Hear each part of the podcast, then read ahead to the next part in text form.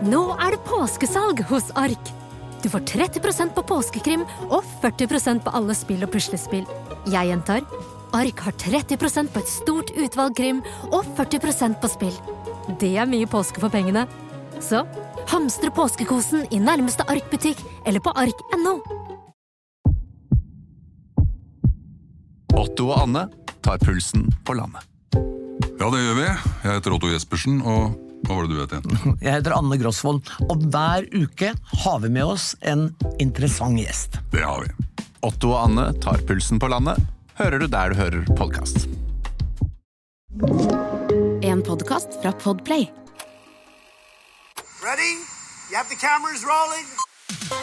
He was hosting boozy parties in Downing Street. But when the president does it, that means that it is not illegal. I have a dream. We will win this election and we will change the country together.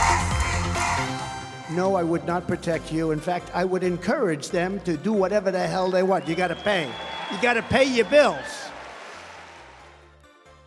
Velkommen. Velkommen. Mitt navn er Eirik Bergesen, Mitt navn er Jette Christensen, og jeg er vikar.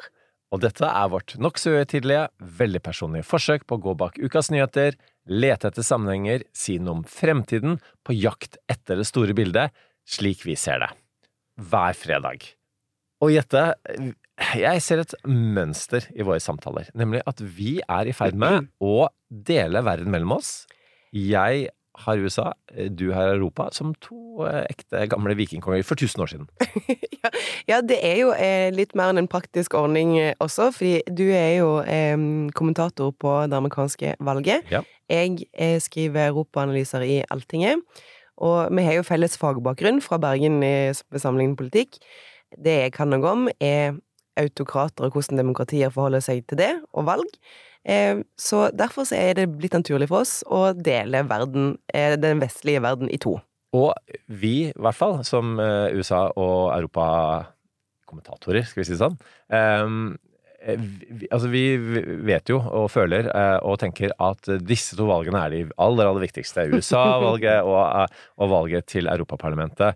Og de ligger, det er jo en vei frem. Eh, Denne uka har, det- vært eh, Indonesia, Pakistan, Finland osv.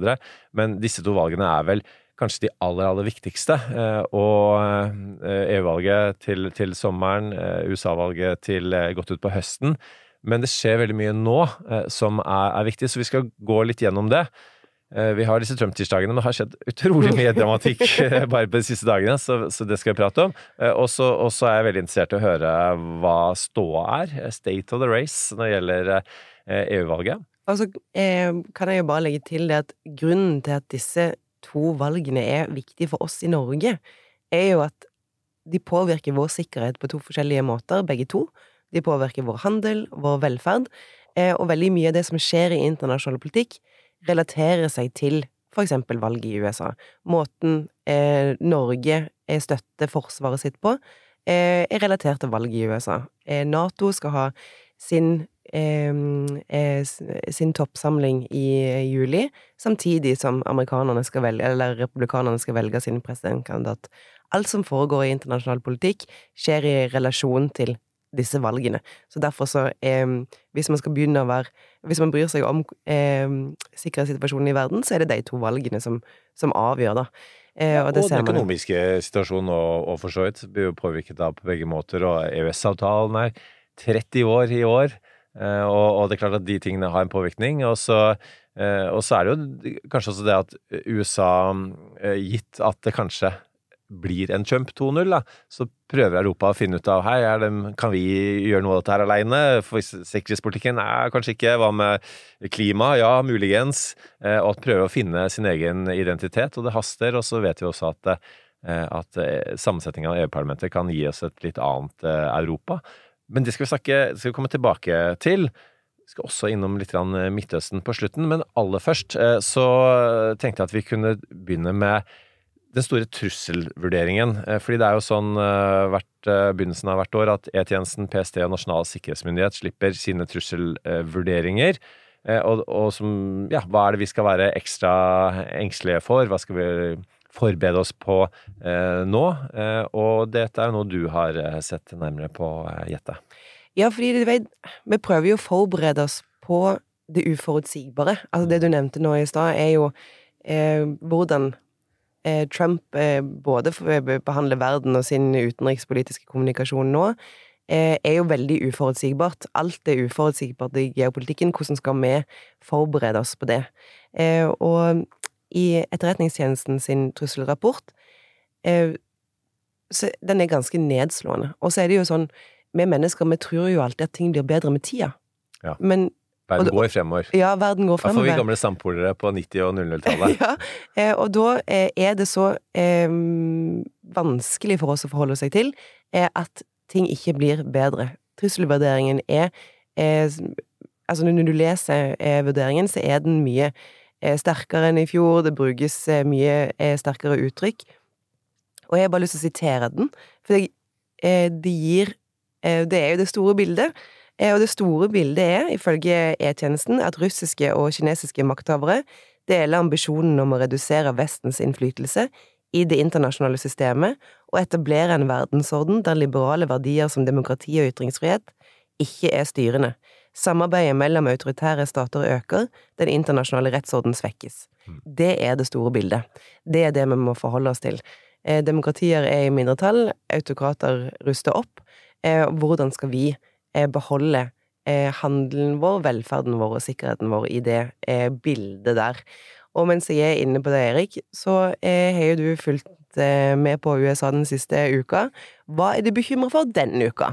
Ja, og disse tingene veves jo inn i hverandre, ikke sant? Og det er jo øh, dette med øh, Altså, kanskje det aller mest eh, spesielle var jo at eh, Trump gikk ut eh, og sa Dette var ikke bare en, eh, en lekkasje fra anonyme kilder, som jeg har hørt tidligere, men han sier altså da, inn i en mikrofon, at de som ikke betaler nok i Nato-penger, de De vil han ikke forsvare, og ikke bare det, han vil oppfordre Russland til å angripe dem. Som er helt sinnssykt oppsiktsvekkende, selv til en sinnssykt oppsiktsvekkende person som Trump. Og det utrolige er jo bare sånn, sånn politisk strategisk at han sier det eh, mens eh, alle i USA og store deler av verden er fortsatt i helt opprør over hvor eh, dårlig hukommelse Joe Biden har. Mm. Eh, gitt at eh, spesialrapportøren påpekte at han var en vennlig eldre mann med dårlig hukommelse. Han kaller inn til pressebrief for å si at det er ingenting i verden med hans hukommelse. Han er veldig travelt opptatt med å eh, for eksempel samarbeide med president eh, Sisi av Mexico om Gaza. Men det, Eh, kan jeg bare spørre deg om en ting om Mm. det? For jeg, jeg har jo sett Jeg så jo det klippet, og jeg så uttalelsene, og jeg så også verdens reaksjon yeah. på det. Eh, og det syns jeg er litt interessant, fordi for meg så er det jo helt åpenbart at grunnen til at Donald Trump sier det han gjør, er jo fordi han ønsker å få flere stemmer hjemme. Eh, og sier at eh, hvorfor skal vi betale for Europas sikkerhet eller deres sikkerhet hvis ikke dere oppfyller 2 %-målet i, i Nato, som jo da er liksom kjernen, stridens kjerne. Og så er det jo forskjellige måter å si ting på. Han valgte å si det på den måten eh, denne gangen. Mm. Eh, og så ser jeg liksom norske, blant annet norske reaksjoner på dette. at eh, det illustrerer at Trump er en stor trussel mot Mm. global sikkerhet. Men mitt spørsmål er jo da Er jo ikke dette bare retorikk? Fordi eh, forrige gang Trump satt som president, så har det jo aldri vært mer støtte til Nato fra amerikansk side, aldri vært flere amerikanske soldater på europeisk jord. Mm. Så er ikke dette her bare noe han sier for å tøffe seg? Ja, eh, det, det er et godt spørsmål, og det, og det er jo på en måte det, det man, man lurer på. Det som jeg la, også la merke til, var at eh, John Bolton, hans eh, tidligere sikkerhetsrådgiver, sa samtidig denne uka her, er at eh, ikke tro at det er bare retorikk. Ikke tro at det bare er en måte å få mer penger eh, til Nato eh, på. Eller altså, altså man skal øke forsvarsbudsjettet til 2 av bruttonasjonalprodukt, som det er, Natos mål. Som ikke er, er, er et krav i seg selv, men det er et mål. Og så sier han at eh, nei, nei, nei, nei, Trump liker ikke Nato. Trump liker ikke mellomstatlige organisasjoner som skal skape merverdi for flere. Trump er en nullsummann, eh, som Det betyr at, er jo da eh, at, at eh, flere som ikke har gått på Sampol på 90- og 00-tallet eh, altså at, at man liksom Hvis noen får et gode, så betyr det at de har tatt det godet fra deg. Og sånn er det på eiendomsmarkedet i, i Manhattan. At du enten vinner en deal, eller så taper du en deal. Men sånn er jo ikke internasjonal politikk. Det, altså alle alle må komme godt ut av en, en fredsavtale, så vil de ikke signere den, eller en handelsavtale. Og det er ikke sånn at, at, en, at, det er bare den sterkestes rett, og, og, det er på en måte en helt annen verden enn den Trump lever i. Så, så Bolton er veldig sånn tydelig på å minne folk om det. Og så kan man si at ja, men nå har jo til og med republikanerne vært med å lage den lovendring i Kongressen som gjør at man, kan ikke trekke, Trump kan ikke trekke NATO ut av USA, um, USA ut av Nato, for det trenger to tredjedels flertall til.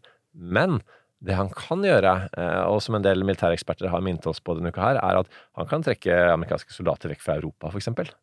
Eh, altså, han kan gjøre ting som vil være mye, mye verre enn å trekke USA ut av Nato.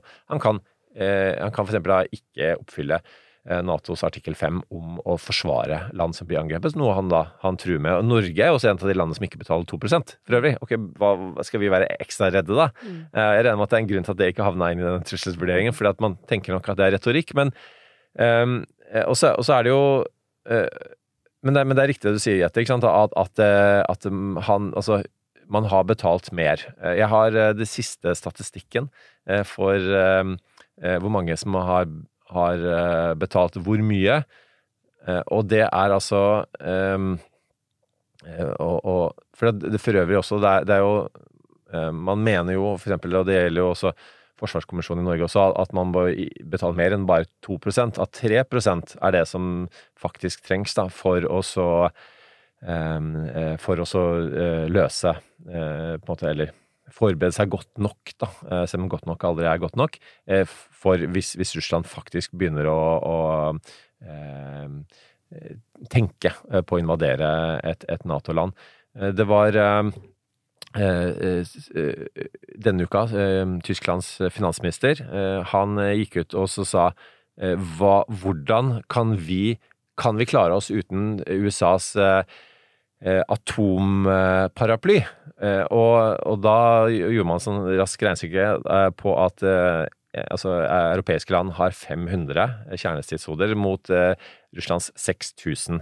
Så det i seg selv blir vanskelig. Og så gikk eh, Danmarks eh, eh, forsvarsminister ut og så sa at man er nødt til å ta inn i planverket til de andre europeiske landene at innen en tre- til femårsperiode så kan Russland teste Natos artikkel 5. Teste Natos solidaritet med noe som man kanskje kan avskrive som, som et uforutsett rakett som plutselig havnet inn i Polen, osv. Og det er ganske nye toner. Eh, det er, ganske interessant. Vi har sett at ehm, eh, Estland, Latvia, Litauen eh, nå skal lage en slags, sånn en, slags sånn, en mur da, av fysiske barrierer opp mot både Belarus og Russland for å på en måte stagge en russisk invasjon etter lærdom fra ukrainerne. Det er ganske oppsiktsvekkende. Polen er, er i ferd med å, å gjøre det samme.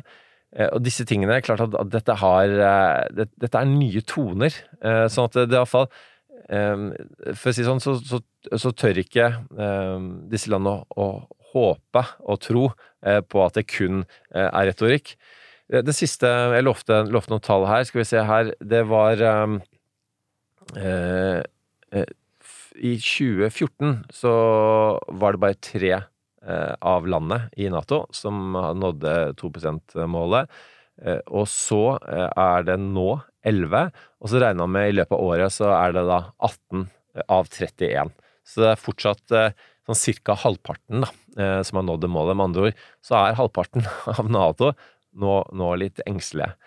Og det tenker jeg er på en måte er, er noe, av det, det, skumleste da, som, som har skjedd denne uka i USA. Og så er det noe med at det, Altså, det er bare det å si dette her, ikke sant, altså eh, Betal beskyttelsespenger ellers er noe mafiost over seg. Det er helt riktig. Ikke sant? Eh, og så er det jo sånn det at det norske forsvaret trenger å ruste opp, det er det jo ingen tvil om. Mm. Det har vært underfinansiert eh, under skiftende regjeringer veldig lenge. Så det, det å eh, øke forsvarsbudsjettet til for eksempel 3% det er jo ikke bare for å betale avlat til Nato, det er også fordi vi har ekte huller å stappe de pengene i. Eh, det er som det ene, ene tingen. Og den andre tingen er jo at Norge har sagt at man skal betale 2 eh, innen 2026. Så er det jo noen, inkludert meg sjøl, som syns jeg det er veldig rart, fordi når man har midler til det, så er det jo ingen grunn til å ikke nå det nå, eh, og særlig ikke symboleffekten i å stille tomhendt i Washington på eh, toppmøtet i Nato i juli, samtidig med eh, republikanernes valg av presidentkandidat, fordi det er et eller annet med signaleffekten der.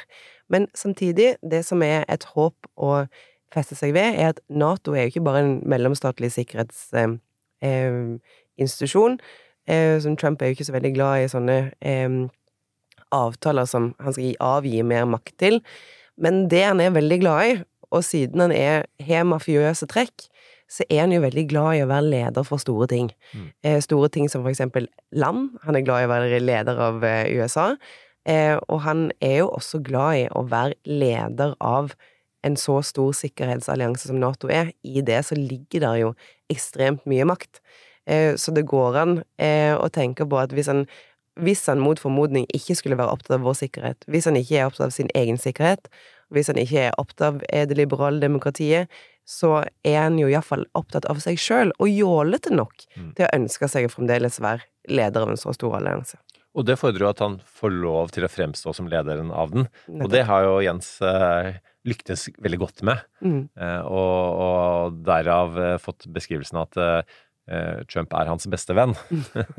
Ja. Så, men kan, kan jeg bare spørre deg om det, dette med Når du, du sier at liksom, det er et åpenbart behov eh, for, eh, for, for altså, at Norge skal bidra mer eh, altså, Det handler ikke om å bidra mer til Nato, det handler om at vi styrker vårt forsvarsbudsjett og dermed eh, bidrar mer til Nato. Og som du sier, at det er, ikke, det er jo ikke avlatt. Og det er også poenget til demokratene i Kongressen, som sier at hei, vi er tjent med sterkt Nato. Mm. Sånn, uh, make no mistake. Ja. Eh, Det er derfor vi gjør dette. Det er, det er ikke for måte å være eh, solidarisk med, med verden rundt oss. Men um, jeg, jeg var oppe i Arctic Frontiers og den med, med Øystein Tunsjø, som jo er professor ved eh, Forsvarets høgskole, og er, er både USA- og Kina-ekspert. eh, Og det er jo en god kombinasjon eksempel med, med tanke på det, det trusselvurderingen som kom, eh, kom nå. Eh, Og han er veldig tydelig på at nå bør, bør det begynne å skje litt ting eh, etter at Forsvarskommisjonen For han satt jo Forsvarskommisjonen etter at de, de la fram eh, det som jo er en enorm økning eh, av, av midler. Og, og så, som tidligere politiker, og som en som, som tross alt er, er, er tettere på, på partipolitikken enn meg, og som, hva, hva, hvorfor skjer det ikke mer der? Hvorfor har på en måte ikke flere faktisk begynt å planlegge og bevilge de pengene? Det er rett og slett fordi at det å bruke penger på noe som kanskje, eller forhåpentligvis ikke skal skje, Mm. eh, er noe som er vanskelig å mobilisere stemmer på. Men nå er det jo eh, en helt annen situasjon. Nå er jo sikkerhet noe som velgerne er mye mer opptatt av enn tidligere. Derfor så ser man at flere politiske partier også begynner å snakke om sikkerhet. Fordi eh, folk er bekymra, eh, og den bekymringen den går det an å omsette i valuta, nemlig stemmer. Mm. Eh, og så er det jo sånn at behovet er mye sterkere enn før, helt reelt. Eh, og den opplevelsen av Eller den usikkerheten som Trump eh, skaper, er også liksom det, det gjør at det er mye mer eh, nødvendig. Og når du sier det må begynne å skje ting Vi, hvis vi kan kalle vi som eh, Vesten, da, eh, vi er jo veldig opptatt av at den krigen i Ukraina skal ta slutt eh, umiddelbart. Ikke bare fordi det mest åpenbare, at tap av menneskeliv må opphøre, men også fordi at det er jo en krig som handler om styresett. Styresett mellom demokrati og autokrati, og om hvorvidt den sterkestes rett skal vinne, om det er sånn at du kan bruke makt for å få viljen din. Det er vi jo veldig opptatt av, og det skal jo ikke skje. Kina er jo veldig, også veldig opptatt av at den krigen skal ta slutt. Eh, ikke fordi de er så veldig opptatt av verken ukrainske eller russiske eh, menneskelivtap, eller at de er så veldig opptatt av at eh, demokratiet skal vinne fram eh, på noen måte, men, men de er opptatt av at den krigen skal ta slutt, eh, fordi at de ønsker å flytte fokus. Eh, De ønsker eh, Altså, krig gjør det vanskeligere eh, å, å være Kina også. Eh, Så de har jo en veldig sånn eh, egoistisk eh, tilnærming til, eh, eh, til det, da.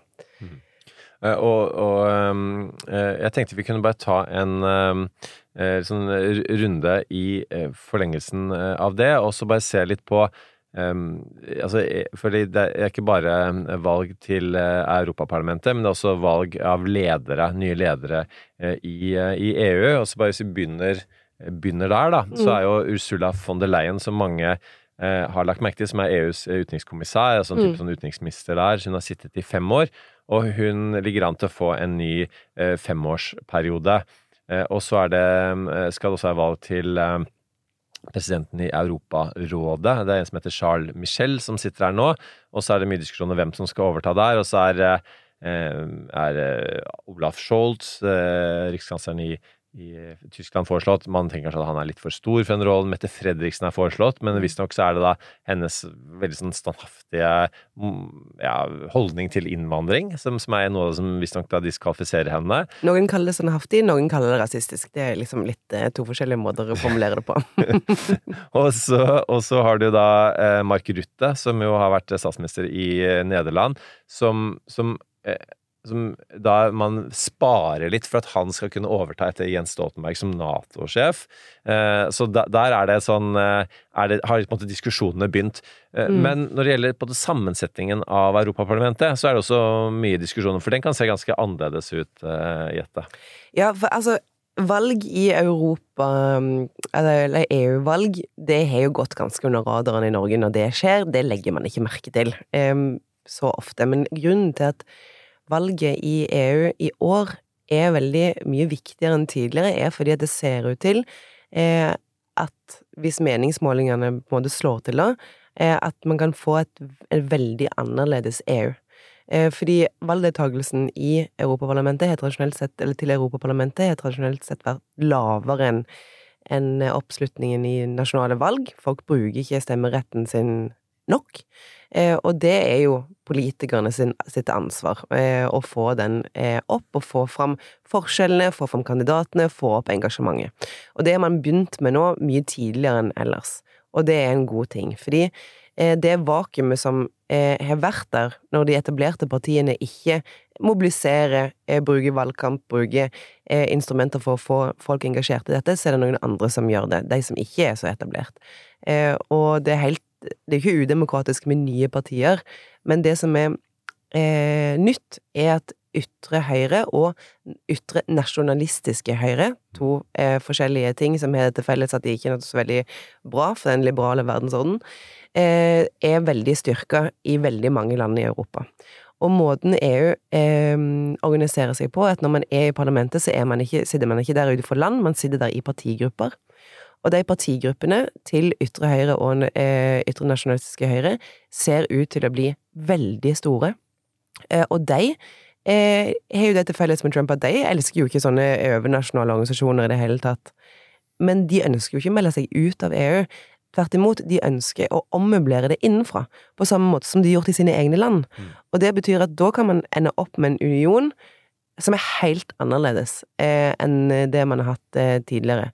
Eh, og hvis man begynner å ommøblere de strukturene eh, innenfra, så har jo ikke EU noe selvforsvarsmekanisme eh, i særlig grad.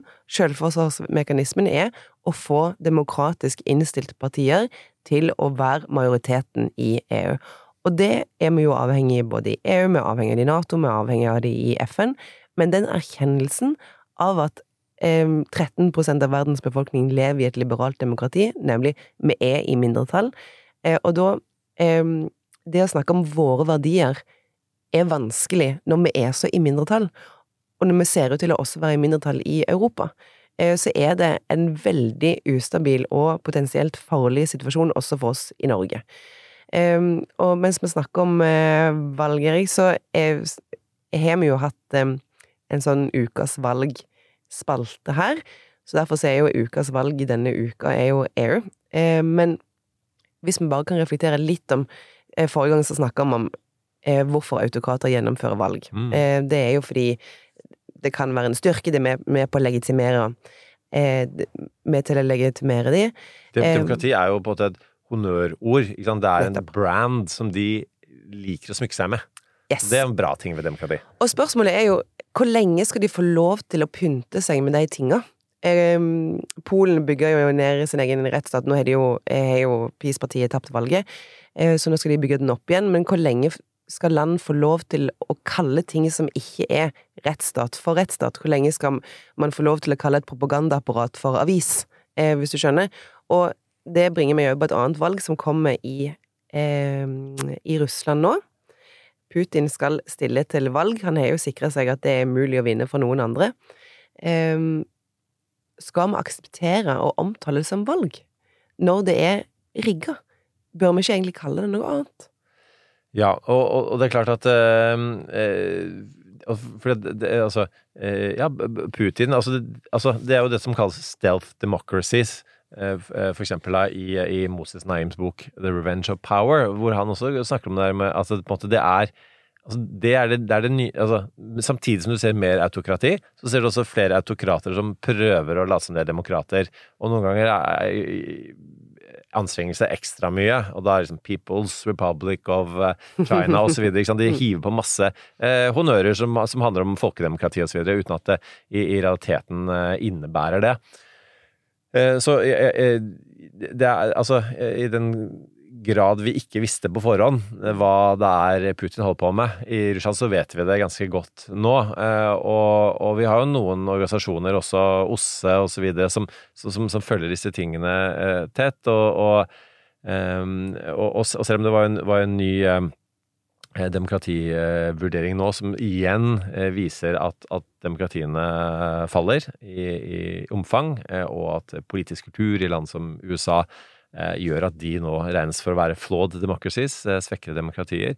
Men, men jeg, jeg, tror også at det er eh, all grunn til, til å være tydelig på at det som, som skjer i Russland nå, ikke er, er demokrati, og, og, og det, det, valget som skjer, ikke er demokratisk. Og, at, og det å bare ha tilsynelatende litt media, for, eh, som, men som ikke er fritt, og tilsynelatende eh, noen rivaliserende partier som har svært store begrensninger, det, det er, jo, er jo uh, si verre, nesten, enn å bare si at hei, vi er et autokrati. Greit. Sånn er vår politiske kultur i dette landet. ja, Deal with og, og it. Vi, vi, gjennomfører ikke eh, valg, eh, eller det systemet der folk går og stemmer nå, der resultatet er gitt på forhånd, det kan ikke få lov til å hete valg. Eh, fordi jeg har vært og, og observert en del valg gjennom Europarådet når jeg satt der. Ja. Mm. Eh, og de mekanismene som vi har for å, for å si om hvorvidt et, et valg har vært fritt eller rettferdig. Eh, de ordene, hva betyr de ordene? Jo, det betyr at alle kan få lov til å stille til valg, og at det er like mulig for alle å både vinne og tape det, og at hvis eh, man taper det, så går den som er tapt, av. det er liksom det som er, er indikatorene.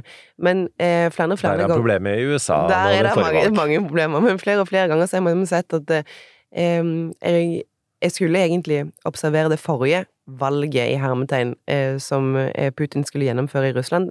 De ønska ikke å ha besøk, Nei. så det, eh, det, besøket ble avlyst, da, rett og slett. Og når man ikke ønsker besøk av internasjonale valgobservatører, så er det jo en god indikator på at her er det eh, så mye muffins at det ikke er mulig å skjule. Men, men hvordan er det der når, når du er uh, on the road uh, mm. og rundt i observerer et, mhm. et valg, hvor du vet at uh, her er det antageligvis en del ting som ikke er sånn helt som det skal være. Mm. Her må jeg være litt på vakt.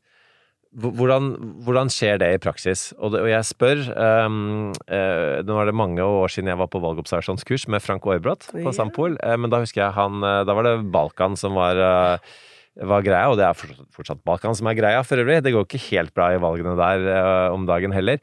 Men, men, og da brukte han mye tid på å forklare hvordan man, man skulle skåle med Slivovic, altså sånn plommebrennevin, med den lokale valgansvarlige. For det måtte man jo gjøre, fra valg, valgdistrikt til valgdistrikt. Og man, man, skulle, man, måtte drikke uten å bli for full, da. Eh, for da går det utover jobben man gjør.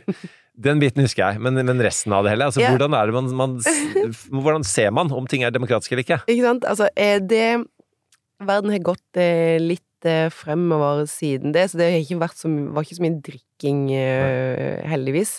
Eh, men måten man observerer det på, er jo å se er det fri presse her, eller er det fordekt, eller et fordekt propagandaapparat?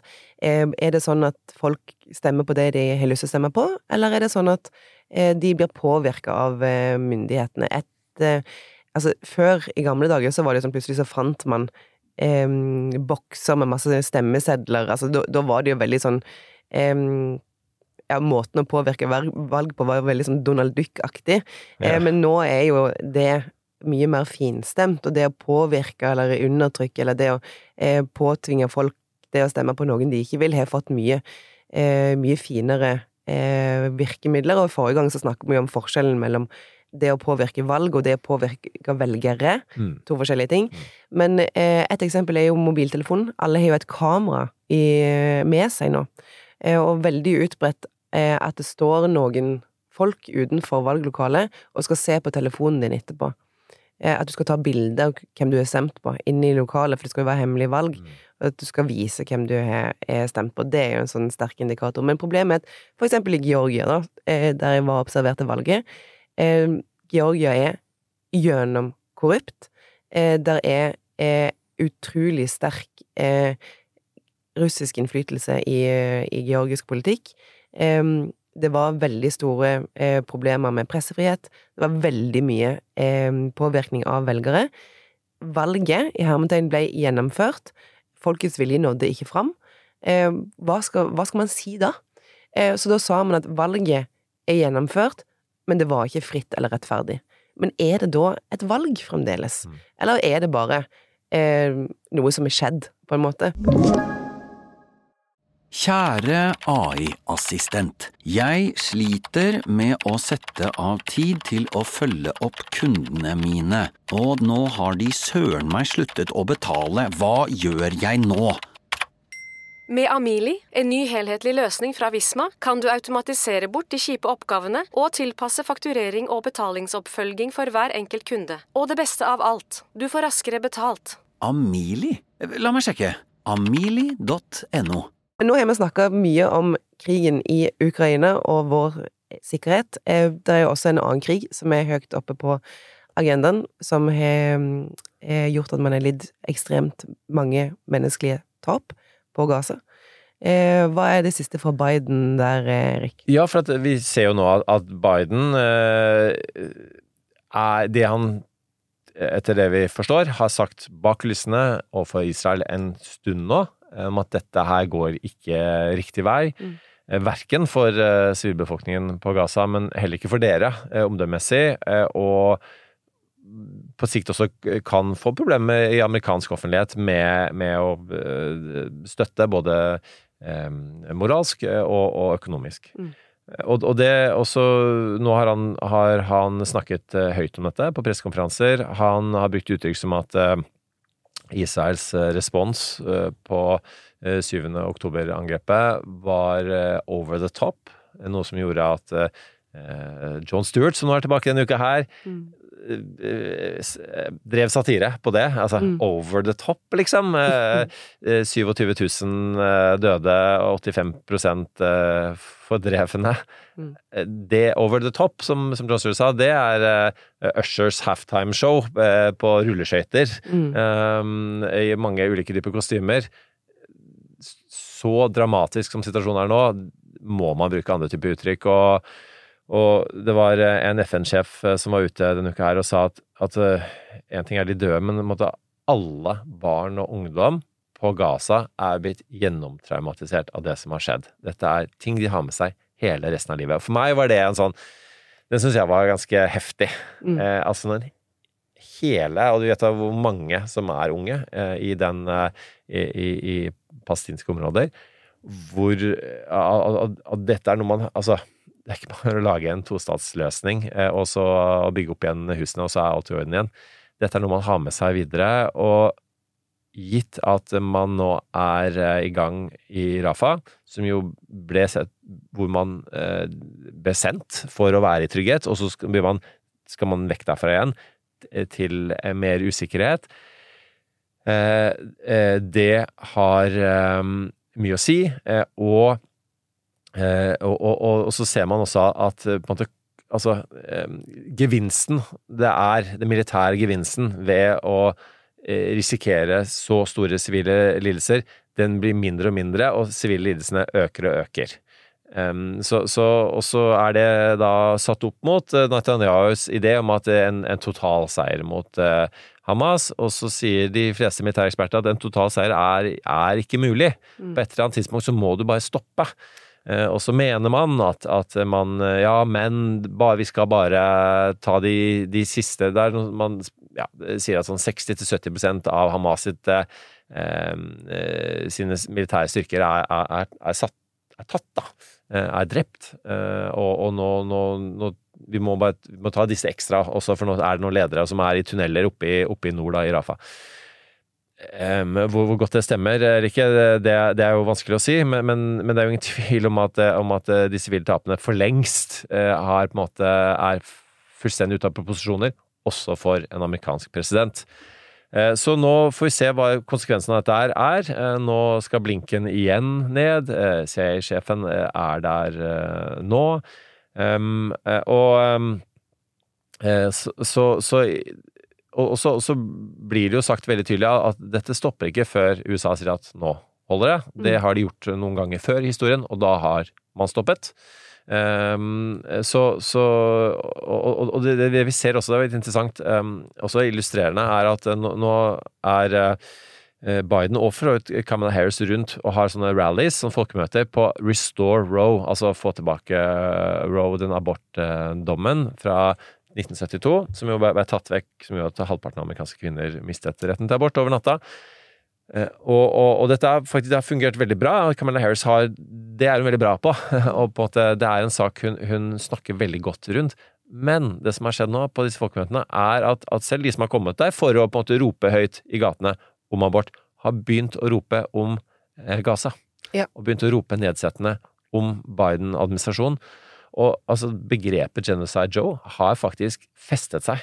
Eh, og det er jo ikke bra i det hele tatt. Så jeg tenker at eh, eh, med mindre Biden faktisk bidrar veldig, veldig aktivt til en tostatsløsning, og egentlig rett og slett tvinger eh, Israel til å til en våpenhvile, eh, tvinger Israel til bordet for å å, å eh, være med og sy sammen en tostatsløsning, som jo er den løsningen som da Netanyahu sier at han ikke ønsker seg, mm. så kommer Bayern Biden til å slite veldig i valget. og Det handler ikke bare om eh, amerikanere med arabisk bakgrunn, men det handler også om mange unge mennesker. Og det handler faktisk også om det vi ser også eh, på høyresiden, at, at det er en del som som sier at vent litt, hvorfor skal vi bruke så mye penger på Israel? Og, det, er, og det er litt den samme logikken som med Ukraina. Hvis ting ikke forbedrer seg, mm. hvis, hvorfor skal vi bare putte masse penger inn i, inn i et sluk? Um, eh, så, så, så det, det, er noe av den, uh, av den siste utviklingen der. Og så, og så, jobber man med den såkalte Saudi Normalization Agreement, da, hvor man mener at Eh, en, en, sånn avtale må handle om at en tostatsløsning. Det må handle om at, om at eh, Hamas eh, blir borte. At, mm. at, palestinerne kommer med en troverdig eh, aktør som kan styre, som ikke er Hamas. Og så handler det om at, at man får til det man prøvde å få til, som er en forlengelse av Abraham-avtalene, som jo da Trump og svigersønnen hans var med å sette i gang, som, som, altså, som innebærer at Eh, at, eh, eh, at Saudi for første gang i historien anerkjenner Israel. Og, og, og at Saudi også er, bidrar også til gjenoppbygging i, i Gaza. Det, det, er et land som fungerer ganske godt, som har vært gjennom en kulturell liberalisering, om ikke demokratisk liberalisering, under Mohammed bin Salman, og som kanskje er i stand til å måte trappe opp da, sitt, sitt nærvær og sin tilstedeværelse på en måte som gir Eh, stabilitet og forhåpentligvis eh, litt mer demokrati enn, enn i Saudi. Um, så det, det, det, det, er jo det man håper på, da. Uh, og, og, man sitter og tegner disse avtalene eh, på bakrommene nå, og, så får vi se hva som skjer. Eh, noen ganger er det i, midt i katastrofer og kriser eh, at tross alt positive ting kan skje, for det, kan ikke bli verre. Andre verdenskrig og, og, det som, som skjedde etter det, er jo et eksempel Eh, på det. Og krigen på Gaza er jo en helt eh, grusom eh, ting å, å bevitne. De menneskelige tapene er helt enorme. Den er uproporsjonal og farlig. og så er det jo sånn som vi har snakka om tidligere, at det er ulike begrunnelser for å ønske å få slutt på kriger. Den viktigste begrunnelsen må jo være å få slutt på lidelsene. men, men motivasjonen til eh, statsledere som har muligheten til å gjøre noe. Eh, Den eneste statslederen som har muligheten til å aktivt gjøre noe, er den amerikanske ledelsen. Det er de som betaler gildet. Og en av de tingene som eh, Biden har gjort for å illustrere overfor sitt eget elektorat at jeg foretar meg noe her, er jo den symbolske frysningen av midler eh, for de bosetterne. Som jo Bosetterpolitikken til Israel er jo ulovlig, og en del av bosetterne er ulovlig til og med i tråd med den ulovlige bosetterpolitikken. Mm. Så det, er jo, eh, det gjaldt jo bare fire bosettere, veldig lite, men det er likevel en symbolsk handling som er en veldig sånn endring av den amerikanske måten å forholde seg til eh, Midtøsten på. Så eh, oppsummeringen av denne runden om Midtøsten er jo egentlig at det, eh, det går ingen vei. Eh, Israel har lagd sin egen sikkerhetstrussel. Eh, Den sikkerhetstrusselen lagde de jo eh, egentlig eh, i utgangspunktet med hele okkupasjonen. Det er en sikkerhetstrussel å okkupere noen, fordi at da kan man risikere at det opprør. Men det som gjør at det er så eskalerende, er at, er at viljen til å stoppe ikke er der. Fordi at det er ikke disse institusjonene som du, eh, du nevner nå. Fordi at problemet med okkupasjonen, i tillegg til lidelsen, er jo at det også virker. Hver gang eh, palestinerne har hatt ønske om å gjennomføre valg i sine organisasjoner, eh, i Fatah for eksempel, så har det jo da kommet eh, plutselige roadblocks, plutselige mulige eh, eh, hindringer i veien, som gjør at det ikke har vært mulig å gjennomføre valg eh, i eh, eh, palestinske selvstyremyndigheter. Og det har jo vært med på at historien om at palestinerne ikke kan styre seg sjøl, eh, hvis man forteller den mange nok ganger, eh, og gjør det van eh, vanskelig nok å gjennomføre valg i organisasjonen som styrer, eh, så får man jo et resultat av at Fatah har store korrupsjonsproblemer, store demokratiske problemer. Det er ingen ledere å ha tillit til. Så hele Midtøsten er jo bare full av Altså både eh, Palestina, Gaza og Israel har jo det til felles at de har ledere som har svikta sin egen befolkning fullstendig i eh, årevis. Eh, og gjort det umulig for dem å finne noen andre. Så da er, må jo løsningen være internasjonalt press, og det er det bare USA som kan påføre.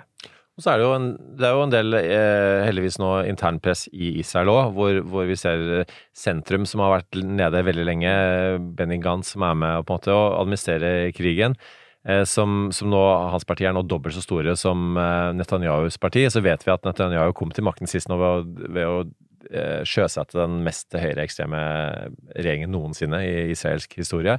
Men, men nå ser det ut som måtte han straffes iallfall på meningsmålingene blant israelere for det han gjør nå, eh, og, og, og sentrum i Israel er veldig veldig tydelig på at dette er en dårlig idé eh, å fortsette med dette her. Eh, også, men så er det også en aktør til som vi, som vi ikke har snakket om, men, men Iran. ikke sant? Hvordan, altså Irans rolle her, via de tre H-ene, Hamas, Hezbollah og Houthiene, eh, som jo tross alt har yppa seg ganske kraftig, eh, og, og vært med å og, og, og både sant, eh, finansiere Hamas eh, og, gi de eh, altså økonomisk militær eh, støtte.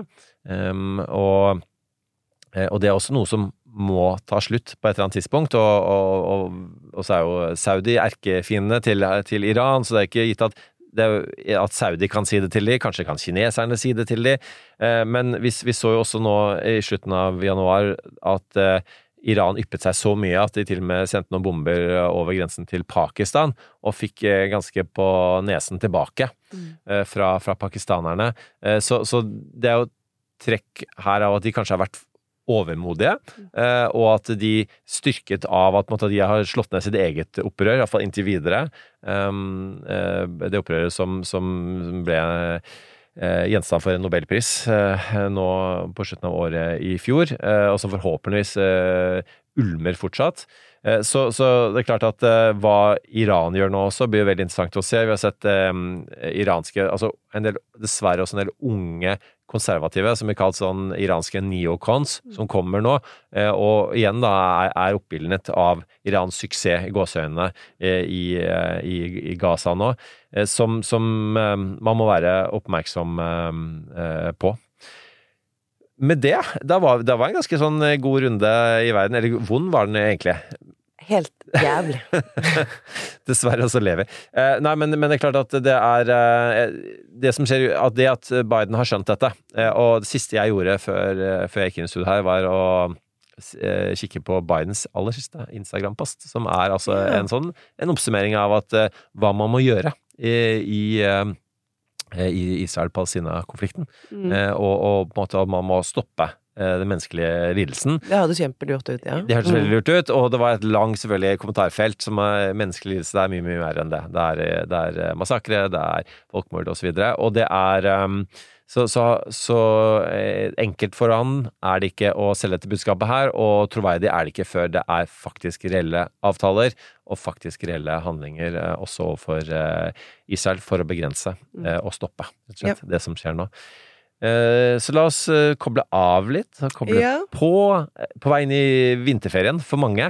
Mhm. Ikke, ikke alle i Norge, det vet jeg, Eh, men i Oslo-området eksempel. Jeg skal på jeg skal få vinterferiehelg, Eh, så jeg har med litt bøker og litt forskjellig, så da tar vi en liten runde på det.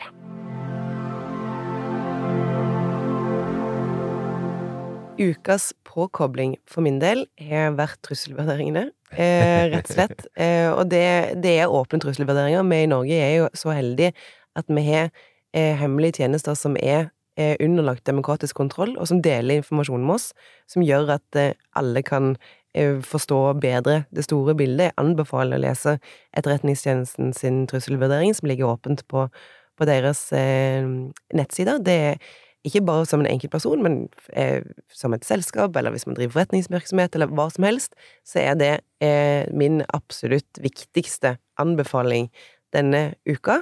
Jeg liker at du, at du er så nær at du anbefaler sånn store rapporter, eh, og, og, og gå på YouTube og, og se hele konferanser osv. Ja. Ja, verdens gøyeste person, det er absolutt meg.